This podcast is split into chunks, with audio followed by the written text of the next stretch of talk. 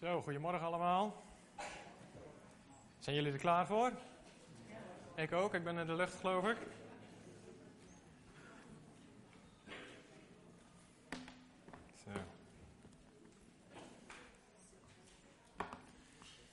Zo. Jullie, eh, jullie weten al wat het thema is deze morgen. Dat kwam net al aan de orde, geloof ik. En in mijn beleving was het thema, dat staat daar links onderin, geroepen om te gaan. Althans, dat is een beetje de samenvatting. Uh, ik ga vandaag ga ik verder met uh, ja, eigenlijk een serie boodschappen of preken. Vier zondagen op een rij spreken we over het thema geroepen om te gaan naar aanleiding van de tekst uit Jozua 1 vers 9. Wees vastberaden en standvastig. Een andere vertaling zegt wees sterk en moedig. En laat je door niets weerhouden of ontmoedigen. Want waar je ook gaat, de Heer, je God, staat je bij. Wees sterk en moedig. Twee weken terug sprak Bart over dit thema. Althans, hij leidde het thema in. En vorige week sprak Arjan ook over dit thema. En toen lag het accent op het woord vertrouwen. Wij mogen God vertrouwen, maar vooral God vertrouwt ons. God vertrouwt ons zijn opdracht toe. En hij roept ons op om te gaan. En vandaag gaan we daar weer op verder borduren. Zelf vind ik dat altijd wel spannend, zo'n themaserie.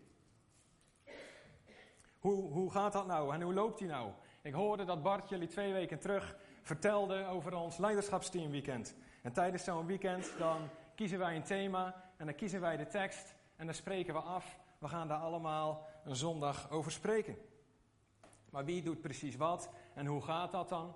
Dat is voor ons dan nog niet helemaal duidelijk. En ik vind dat altijd wel spannend. Zeker als ik dan als derde opsta om over datzelfde thema te spreken. En toen Bart dus twee weken terug de inleiding op dit thema uh, verzorgde, toen was ik heel nieuwsgierig. Ik denk, wat komt er? Wat gaat Bart zeggen? Maar helaas, ik was er niet bij.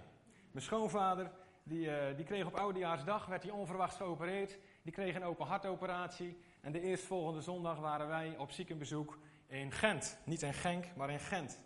Dat is de andere kant van België. Dus helaas, ik had de inleiding gemist. Maar geen nood. Geen nood. Als je hier een zondag mist, dat weten wij allemaal wel, dan ga je naar de website of naar de podcast en dan luister je gewoon de boodschap terug.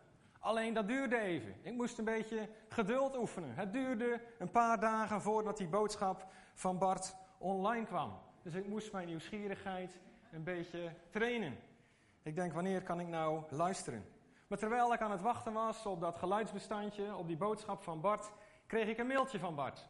En in dat mailtje, daar stond alvast wat informatie en nog wat tips en ook de PowerPoint, dus de plaatjes die eh, Bart had gebruikt tijdens zijn boodschap. En het eerste plaatje wat ik zag, dat was dit plaatje. En ik dacht gelijk van, wauw, gaaf, mooi. Jullie kennen vast wel het gezegde, één blik zegt meer dan duizend woorden. En als je die uitspraak niet kent, dan denk je maar aan thuis. Als je man of je vrouw naar je kijkt met een blik, dat je zegt, oh, hou je man, zeg maar niks. Ik heb het al begrepen, ik heb het al begrepen. Nou, dat geldt ook voor een plaatje. Je ziet dat plaatje en je denkt gelijk duizend dingen. En toen ik dit plaatje zag, toen sloeg mijn fantasie op hol. Ik snapte al direct waar Bart over had gesproken. Natuurlijk, dat ging over een sprong in het diepe. Ik zag die man daar, die zag ik de diepte inspringen. En ik dacht gelijk, wauw, daar heb je lef voor nodig om zo'n sprong te maken. Dat voel je wel in je buik. En tegelijkertijd was ik bij het zien van dat plaatje, was ik in één moment, was ik tientallen jaren terug in de tijd. En ik herinnerde mij dat moment dat ik thuis was en mijn grote broer die kwam terug van vakantie en die vertelde, hij kwam terug van een vakantie in de bergen en hij vertelde dat hij daar voor het eerst van zijn leven had hij iemand zien bungee jumpen. En hij vertelde daarover op een manier dat als je daarnaar luisterde, dan draaide je buik. En ik weet nog dat hij uiteindelijk zei, weet je, je lijkt wel gek. Eerst betaal je de hoofdprijs en vervolgens moet je ook nog zelf het ravijn inspringen. Hij was volgens mij gewoon een beetje bang. En ik had dat natuurlijk wel door. Dus ik zei, man, je bent gewoon een mietje. Je moet gewoon springen. Waarop hij aan mij vroeg, ja maar zou jij dat dan wel doen? Tuurlijk zou ik dat doen, zei ik. Hij zei, weet je wat, de eerstvolgende keer als wij daar zijn, dan betaal ik en dan spring jij. En ik was op dat moment blij dat wij gewoon thuis in de keuken waren. Want ik dacht, zou ik inderdaad wel echt springen? Ik weet het zo net nog niet. Allemaal gedachten bij dit ene plaatje. Uiteindelijk, na een paar dagen, kwam inmiddels natuurlijk de lang verwachte boodschap van Bart. Die kwam online. En Bart die zei een hele hoop mooie dingen. En die gaf een prachtige inleiding. Maar ik kwam tot de conclusie, het ging helemaal niet over die sprong in het diepe. Herken je dat, zo'n situatie? Herkennen jullie dat? Je hebt maar één ding gehoord. Je hebt maar één dingetje gezien. Je hebt maar een klein beetje informatie. En je weet al precies hoe het ging. Je weet al precies wat er is gezegd. Je weet al precies wat iemand heeft bedacht. Ons voorstellingsvermogen slaat op hol en we, we bedenken allemaal dingen die, als de werkelijkheid bekend wordt, helemaal niet kloppen. Hebben jullie ook wel eens zo'n moment gehad? Ah, oké. Anders voel ik me zo alleen, hè? Oké. Nu was dat natuurlijk in deze situatie, vond ik heel fijn. Want ik had direct mijn thema voor vandaag. Mijn thema is een sprong in het diepe. Het thema is geroepen om te gaan. En zo'n roeping voelt, dat denk ik, heel vaak hetzelfde als een sprong in het diepe. Zo'n sprong is spannend. Zo'n sprong, dan voel je je ongemakkelijk. Je vraagt je af, gaat dit allemaal wel goed? Je twijfelt. Je voelt de angst omhoog borrelen in je buik. En je vraagt jezelf af, maak ik wel de goede keuze?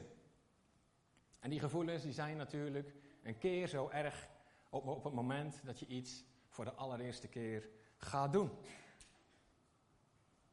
Geroepen om te gaan is als springen in het diepe. Maar voor wie is deze oproep nou bestemd? Nou, in het geval van onze jaartekst is die oproep of die aanmoediging die is bestemd voor Jozua. Jozua die is geroepen om het volk Israël het beloofde land in te leiden. Maar als je de Bijbel leest, dan kom je tot de conclusie dat de Bijbel eigenlijk één lange opsomming is van mensen die geroepen worden door God om te gaan. Je kunt gewoon bij het begin beginnen. Begin maar bij Adam en Eva. Adam en Eva die werden geroepen om het paradijs uit te breiden over de hele aarde. Noach die werd geroepen om een ark te bouwen op het droge land. Abraham die werd geroepen om zijn familie te verlaten en op reis te gaan naar een verre, onbekende bestemming. Mozes die werd geroepen om het volk Israël uit te leiden uit Egypte. David was een herdersjongen. Hij werd geroepen om koning te worden over Israël. Wat denk je van de apostelen en de profeten? Die werden geroepen om een boodschap van God door te geven aan de mensen. De schrijver van de Hebreeënbrief, hoofdstuk 11, die somt allerlei geloofshelden uit de Bijbel op. Maar hij eindigt met het zeggen van, het ontbreekt mij aan de tijd om te vertellen over al die geloofshelden die ondanks alle tegenspoed blijven vasthouden, bleven vasthouden aan hun geloof. Zelfs zonder dat ze de beloften van God in hun leven vervuld zagen worden. En ik stel mezelf dan altijd de vraag: waarom doet God dat nou? Waarom? Waarom is dat zo? Waarom roept God al deze mensen? Ja, ik weet het, ze hebben allemaal hun eigen specifieke opdracht. Maar uiteindelijk werken al die mensen mee aan één groot plan van God. En dat plan, dat is de droom van God. Kennen jullie die, de droom van God? Weten jullie ook waar die droom in de Bijbel staat? Ik hoop dat jullie zo in je vrije tijd wel eens de tijd nemen om een boek te lezen. Gewoon een ontspannend boek. Een roman of een thriller. En als je daar dan heerlijk in gaat lezen en je ontdekt dat het een spannend boek is en je hebt die eerste drie hoofdstukken uit, dan zijn er mensen die denken van oei, dit wordt wel een heel spannend boek. Hoe loopt dit af? En wat doen ze dan? Dan pakken ze dat boek, dan bladeren ze helemaal door naar het einde en dan lezen ze ook de laatste drie hoofdstukken. En als je dat doet, dan weet je hoe het verhaal afloopt. Dan is de spanning een beetje weg. En als je nu ditzelfde doet bij de Bijbel, dan ontdek je de droom van God. We zien in de eerste drie hoofdstukken van de Bijbel zien we dat God alles goed maakt. God die maakte de wereld perfect. Maar door de keuze van de mens gaat het mis, dat weten wij. De mens die beschadigt het vertrouwen dat God aan hem geeft of aan hem gaf. Maar dan in de laatste drie hoofdstukken van de Bijbel, dan zien we dat alles weer is hersteld. En dat is de droom van God. En alle hoofdstukken tussen die eerste drie en die laatste drie, die gaan over Gods herstelplan en Gods verlossingsplan voor deze wereld. En ik wil dat met een aantal voorbeelden toelichten. Je ziet in Genesis 1 dat de relatie tussen God en de mens goed was. God die wandelde iedere dag in de tuin met de mens. En dan zien we in Openbaringen 21 dat die relatie hersteld is. En Jezus leeft weer onder de mensen. In Genesis 3 zien we dat de mens misleid wordt door de duivel. En hij eet van de verkeerde boom. Het gevolg is dat Satan de heerschappij krijgt die bedoeld was voor de mens over deze wereld. Maar in Openbaring 20 zien we dat de duivel gebonden is. En Jezus, de laatste Adam, die regeert weer over de aarde. In Genesis 3 lezen wij dat de mens wordt verdreven uit het paradijs, zodat hij niet kan eten of niet meer kan eten van de boom des levens. Maar kijken wij aan het einde, dan zien we dat de mens weer vrij kan eten van de boom des levens. In Genesis 3 zien we dat de aarde vervloekt is, waar in Openbaring 21 staat, de vloek is weg. Er is geen rouw, geen verdriet of geen pijn meer. In Genesis 3 zien we dat de dood zijn intrede doet en de hele schepping leidt daaronder. Maar aan het einde is er een nieuwe hemel en een nieuwe aarde waar geen dood meer is. God die onthult ons in de Bijbel hoe hij deze wereld wil herstellen en verlossen. En dat is geweldig goed nieuws. Die boodschap van herstel en verlossing, dat is het evangelie. Dat is het evangelie van het koninkrijk van God. God wil mensen herstellen. God wil volken herstellen. Dorpen, landen, continenten. Ja, zelfs heel de wereld. En God wil dat het hier op aarde wordt zoals het is in de hemel. Dat bidden wij ook als wij het onze Vader bidden. Laat uw wil op aarde gebeuren zoals in de hemel. En de vraag is dan natuurlijk, hoe wil God dat nou doen? Hoe wil God dat doen? Door mensen heen. Dat is het antwoord. Door mensen heen. Mensen zijn de handen en voeten van God op deze aarde.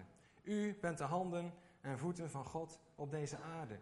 En steeds opnieuw zien wij dat, men, dat God mensen roept om te gaan. God roept u, God roept jou en God roept mij om te gaan. God roept ons als kerk om te gaan. Soms hoor je mensen wel eens zeggen: God moet het doen. Maar God heeft zijn deel al gedaan. Toen Jezus aan het kruis zei: Het is volbracht, toen heeft God zijn deel al gedaan. En God die zegt nu tegen ons, zegt nu tegen jullie: Jullie moeten het doen. Kom op, wees sterk en wees moedig. Ik sta aan jullie zijde en ik ga met jullie mee. En als wij dan geroepen worden om te gaan, als die boodschap dan doordringt in ons hart, dan voelt dat opeens als een sprong in het diepe. Opeens voelen we die spanning. Het voelt een beetje onwennig. Je moet de controle loslaten. Je moet iets in jezelf overwinnen. Je moet leren vertrouwen op andere mensen, maar bovenal op God. En ik wil jullie een filmpje laten zien van een paar mannen die een sprong in het diepe wagen. Dat duurt twee minuten. Dubai likes to push it bigger and better. This is not just one really cool stunt, it's a combination of the Dream Jump system alongside what will be now the world's largest urban zip line to base jump from. I think the first person that gets in that Dream Jump and does not have any prior sky experience is going to be in for a ride. I mean, that is, it's just crazy.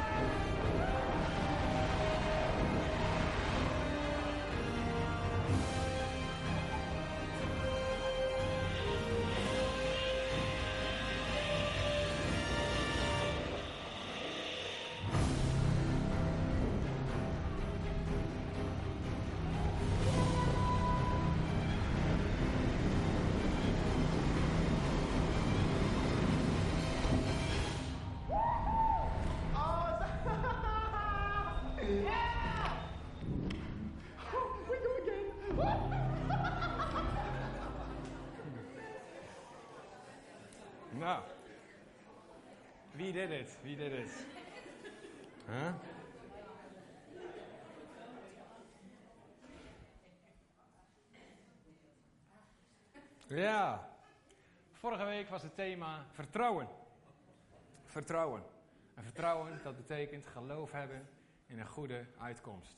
Deze mannen die hadden vertrouwen. Die sprongen heel ontspannen naar beneden. Die vertrouwden op de parachute op hun rug.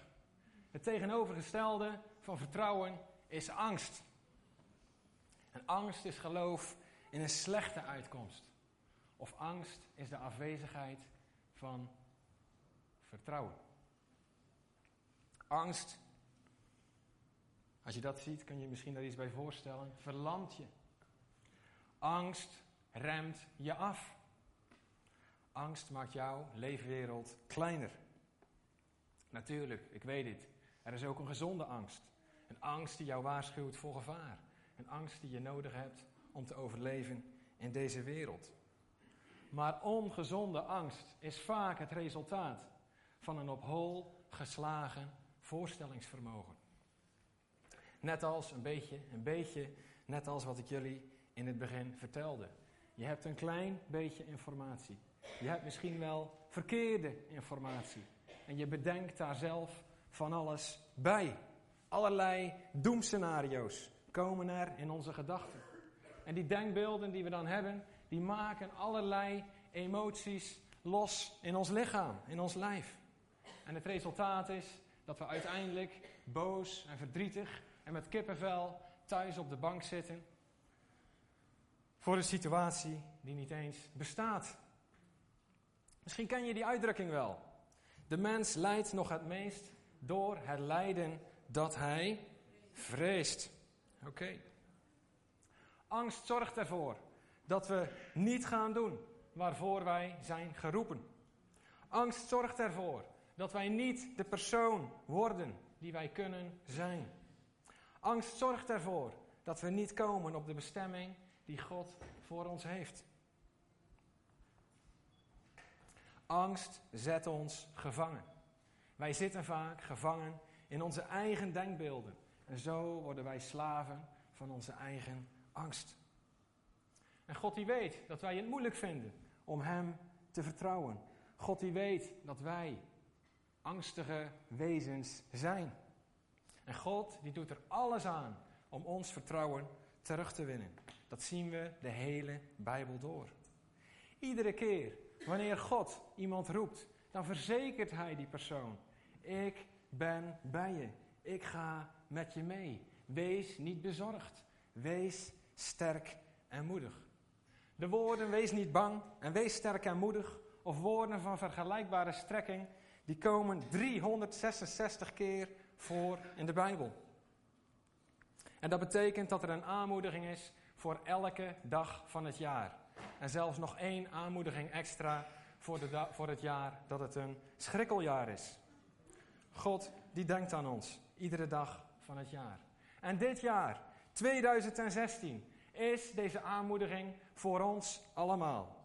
Deze tekst, onze jaartekst, is een aanmoediging voor ons als kerk. En is een aanmoediging voor jullie allemaal persoonlijk. En laten we eerst eens nadenken over die aanmoediging voor ons als kerk. Ik geloof dat God ons het komende jaar als kerk wil uitdagen om nieuwe stappen in geloof te gaan zetten. Ik geloof dat wij als kerk worden uitgedaagd om nog veel meer binnenste buiten te gaan. Niet binnen blijven, maar letterlijk naar buiten om het goede nieuws meer bekendheid te geven. God die heeft grote plannen en God die heeft grote beloften voor deze kerk. In Efeze 3, vers 20 staat dat God in staat is om oneindig veel meer te doen dan wij kunnen vragen of bedenken. Met andere woorden, God die heeft een plan voor ons als kerk dat niet past in ons hoofd. Het plan van God is groter dan ons hoofd. En als het plan wel in je hoofd past, dan moet je je misschien afvragen: is het wel het plan van God?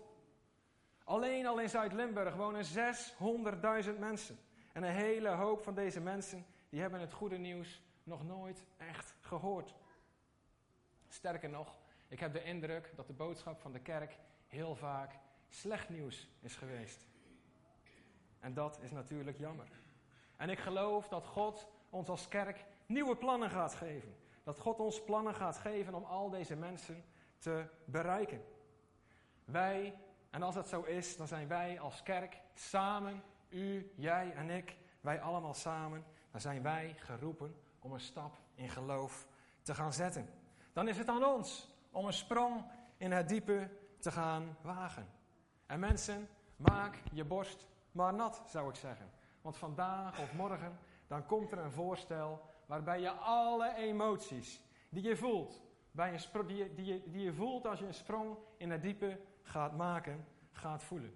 En dan is de vraag aan ons als kerk, gaan we springen of kiezen we voor veiligheid? Doen wij een stap terug? Wat ga jij doen? Wat ga jij doen? En dan zijn we gelijk bij de aanmoediging voor ons allemaal persoonlijk. God moedigt ons allemaal persoonlijk aan om Hem te vertrouwen. Maar Hij moedigt ons ook aan om onze angsten te overwinnen. God die nodigt ons uit om naar Hem toe te komen. Zeg maar, net als bij Adam en Eva. Kennen jullie dat moment? Het is in het paradijs dat we voor de eerste keer lezen over angst. Adam en Eva, die hebben net het vertrouwen geschonden dat God hen gaf. Ze hebben het vertrouwen beschadigd door te eten van de verkeerde boom. En direct daarna horen ze de voetstappen van God in de tuin. En ze worden bang, ze worden angstig en ze vluchten weg. Ze voelen zich schuldig. En dat betekent dat ze bang zijn voor straf. Ze schamen zich. En dat betekent dat ze bang zijn om zichzelf te laten zien. Maar dan roept God: Hé hey Adam en Eva, waar zijn jullie? Waar zijn jullie? Denk je dat God Adam en Eva kwijt was? Ik denk het niet. Ik denk het niet. Nee, natuurlijk niet. God nodigde Adam en Eva uit om vrijwillig naar hem toe te komen, om naar hem terug te komen. Maar Adam en Eva, die twijfelden. Ze zaten daar in de bosjes en ze dachten: zullen wij gehoor geven aan de roep van God? Ze projecteerden hun eigen onbetrouwbaarheid op God. En hun denken over God was vertroebeld door hun eigen denken en hun eigen slechte keuzes. Ze waren het zicht kwijt op wie God voor hen wilde zijn. De Bijbel zegt: volmaakte liefde drijft alle vrees uit. God is liefde. Maar Adam en Eva, die vonden het maar moeilijk om dat te geloven. Gelukkig kwamen ze natuurlijk uiteindelijk wel tevoorschijn. En jij, wat doet u? Want God die nodigt jou vandaag uit om met jouw angst naar Hem toe te komen. En dan zegt God, dat gaan wij samen oplossen. Die angst van jou, dat gaan wij samen oplossen. Welke angsten heb jij? Volgens mij is ieder mens wel eens angstig. Of is ieder mens in zijn leven wel eens angstig geweest. En ik dacht daar voor mezelf ook over na. En vaak hoef je dan helemaal niet zo diep te graven als je eerlijk durft te zijn naar jezelf. Volgens mij hebben we allemaal een hele hoop angsten. En soms zijn we onszelf dat helemaal niet bewust. Als ik ver terugging, dan moest ik denken aan toen ik een klein kind was. En als klein kind heb ik heel lang in mijn bed geplast. Wat een bekentenis, hè? Maar ik vond dat, uh, ja, dat was moeilijk voor mij. En uh, uiteindelijk had dat ook voor een belangrijk deel had dat te maken met angst. Ik weet dat ik dan in mijn bed lag en dan werd je soms morgens wakker en dan, ja, helaas, het was weer niet gelukt. Maar zo was het niet altijd. Soms werd ik gewoon wakker. En dan moest ik naar de wc. Maar dan dacht ik, ik moet over de overloop. En dan op de overloop, daar staat een of andere figuur en die pakt mij bij mijn lurven. En ik was bang. En ik dacht, weet je wat? Ik pies liever in mijn bed dan dat ik langs die persoon ga. En dan deed ik dat. Ik had liever de volgende morgen de schaamte van nou, het is weer niet gelukt, als dat ik daadwerkelijk langs die persoon daar op de overloop ging. En bestond die persoon, bestond hij daar nou echt? Of zat hij puur in mijn gedachten? Zat hij puur in mijn hoofd? Ik weet het niet. Tot op de dag van vandaag weet ik het niet. Maar het kan volgens mij allebei. Ik herinner me een andere situatie, dat was vele jaren later. Ik was in de kerk en ik nam voor het eerst deel aan het avondmaal. Ik zat aan het avondmaal en ik maakte die dienst mee en ik reed naar huis. En ik zat samen met Loes in de auto. Ik zeg, Loes, moet je nou eens luisteren, joh. Ik zeg, ik zit aan het avondmaal en ik hoor allemaal stemmen in mijn hoofd. Allemaal stemmen in mijn hoofd. En die zeiden geen frisse dingen. Vloeken en weet ik het wat allemaal. Wat een raar idee. Ik vertelde dat aan Loes. En Loes die kijkt me aan. Ze zegt, doe niet zo gek man. Ja, het is natuurlijk ook een beetje een beangstigend idee. En misschien vond Loes dat ook wel, ik weet het niet. Maar goed, ik denk, laat maar rusten. Laat maar rusten. Ik kende op dat moment kende ik niet de woorden uit de brief van Jacobus. Waarin staat, weersta de duivel en hij zal van u vlieden. Ik kende die woorden niet, maar ik leerde die woorden later wel kennen. En ik heb het gedaan en ik heb het gezegd. Ik zeg in de naam van Jezus, zwijg. En in de naam van Jezus, verdwijn uit mijn leven. Ik heb ze nooit meer gezien. Ik heb ze nooit meer gehoord. Ze waren er wel en ze zijn er wel geweest. Waar ze nu zijn, weet ik niet. En het zou zomaar kunnen zijn dat ze vandaag of morgen weer eens een keer aankloppen. Bij mij, misschien bij u, misschien wel bij een van uw kinderen, ik weet het niet. Maar dan heb je vandaag geleerd hoe je ze moet weerstaan. Gewoon aanspreken. En dan is het voorbij. Vervelend onderwerp, hè? Laten we eens een wat alledaagse, voorbeeld pakken. Het feit dat ik hier sta op het podium. Sommigen van jullie, die weten misschien nog wel, dat is een paar jaar geleden denk ik, dat ik hier voor de eerste keer sprak. En ik was zenuwachtig. Man, ik bibberde bijna van het podium af volgens mij. Ik voelde meer dan een gezonde tegenzin. Ja, ik was bang misschien wel. Ik had twee onderbroeken en zeven Tena ladies aan. Dat konden jullie niet zien. Ja. ja. Alles is waar, behalve dat laatste natuurlijk. Maar uiteindelijk ben ik toch gegaan. En uiteindelijk ben ik toch naar voren gegaan. En ik heb die angst overwonnen. En ik heb nieuw gebied in mijn leven veroverd. Gewoon de stap zetten. En waarom vertel ik dat nou? Omdat jullie dat ook allemaal kunnen doen. Ook jij kan dat doen. En vandaag kun je dat besluit nemen. Vandaag kun je die eerste stap zetten. En de eerste stap is gewoon erkennen dat je last hebt van angst. Dat je last hebt van angst. En de tweede stap die je maakt, is dat je een keuze maakt. En dat je zegt, ik ga die angst verslaan. Ik ga die angst te lijf. Bestorm je eigen angst. Samen met God. En dan maak je ruimte voor een wonder. Dan maak je ruimte voor genezing en verlossing. Kom uit die gevangenis. Kom tevoorschijn. En laat jezelf zien. De wereld heeft jou nodig. De kerk heeft jou nodig. Jij kunt het verschil maken.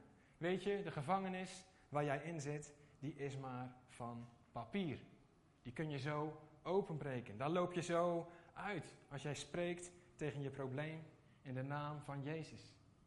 Weet je, ik heb ontdekt dat de geloofshelden uit de Bijbel, dat zijn geen mensen zonder angst, maar dat zijn mensen die, ondanks hun angst, toch in actie komen.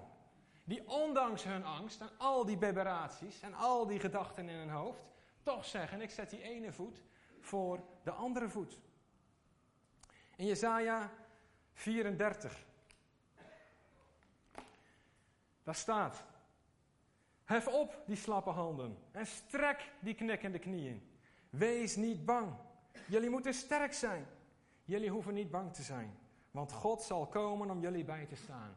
Hij zal komen om jullie te bevrijden.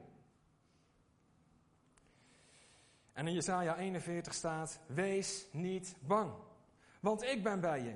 Vrees niet, want ik ben je God. Ik zal je sterken. Ik zal je helpen. Ik zal je steunen met mijn onoverwinnelijke rechterhand. Arjan, kom je naar voren? Durf jij vandaag die bemoediging van God te geloven? Durf jij vandaag op te staan en te zeggen: Ja, inderdaad, ik worstel met angst in mijn leven. Maar vanaf vandaag ga ik er rechtop af. Ik sta op. En ja, ik voel mijn knieën knikken. Ja, ik voel me bang. Ja, ik voel me niet in staat. Ja, ik sta te bibberen. Maar vandaag sta ik op en erken ik, ja, ik worstel met angst. En ik wil samen met God en misschien wel samen met ons, wil je die angst te lijf gaan. We gaan zo samen gaan we zingen. En je moet goed luisteren naar wat er gezongen wordt. Dat is een beleidenis. Een beleidenis dat wij niet langer slaven van de angst willen zijn. Want wij zijn kinderen van God. God houdt van jou. God die, die wil bij jou zijn. En God die heeft ons kracht gegeven. Om sterk te zijn, om moedig te zijn. En om een keuze te maken, om door de angst heen te breken. En het maakt niet uit welke angst. Het kan een hele kleine angst zijn. Het kan een hele grote angst zijn. En wat voor de ander een peulenschil is, is voor de ander zo'n berg. Het gaat erom, wat is jouw berg? Tegen welke berg wil jij vandaag spreken? Tegen welke berg wil jij spreken? Oké, we gaan nu eerst luisteren naar Arjan.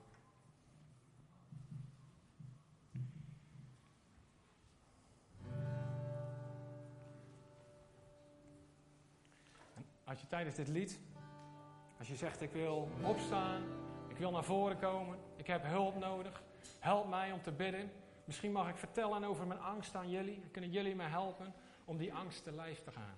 Twee zijn sterker dan één. Dus kom naar voren dan.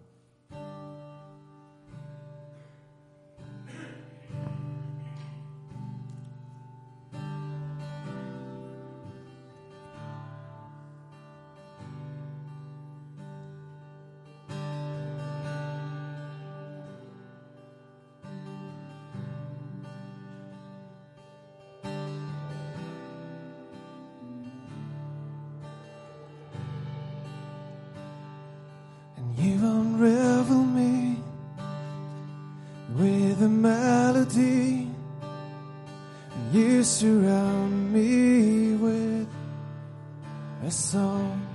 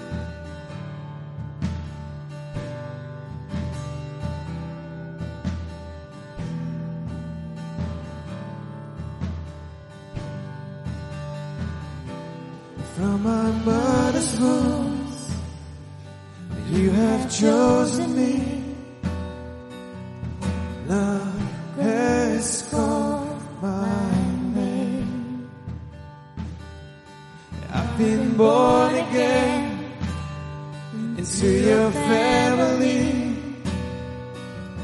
Your blood flows through my veins.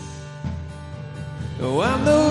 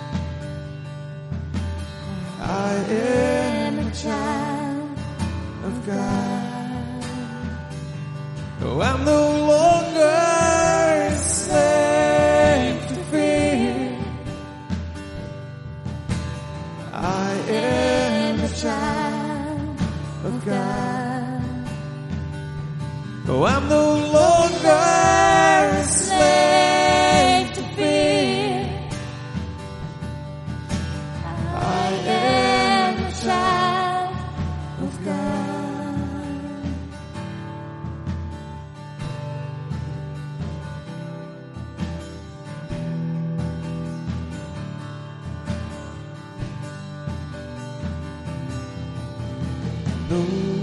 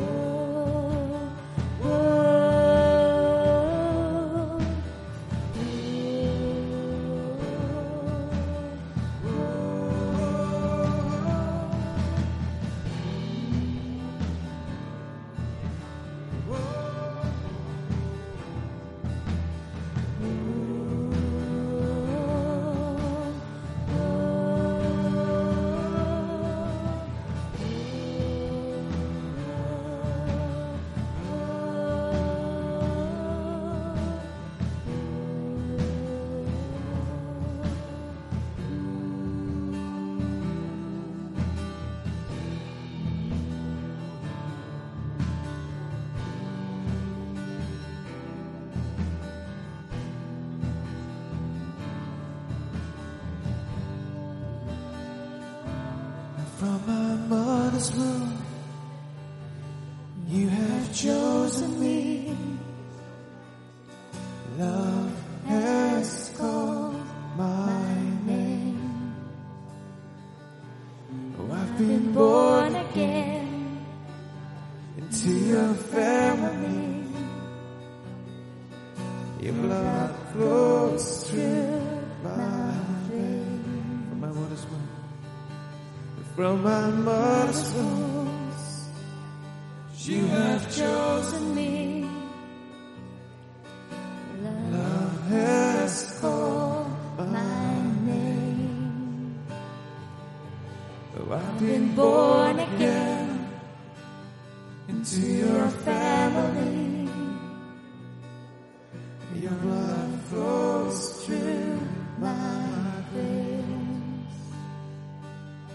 Oh,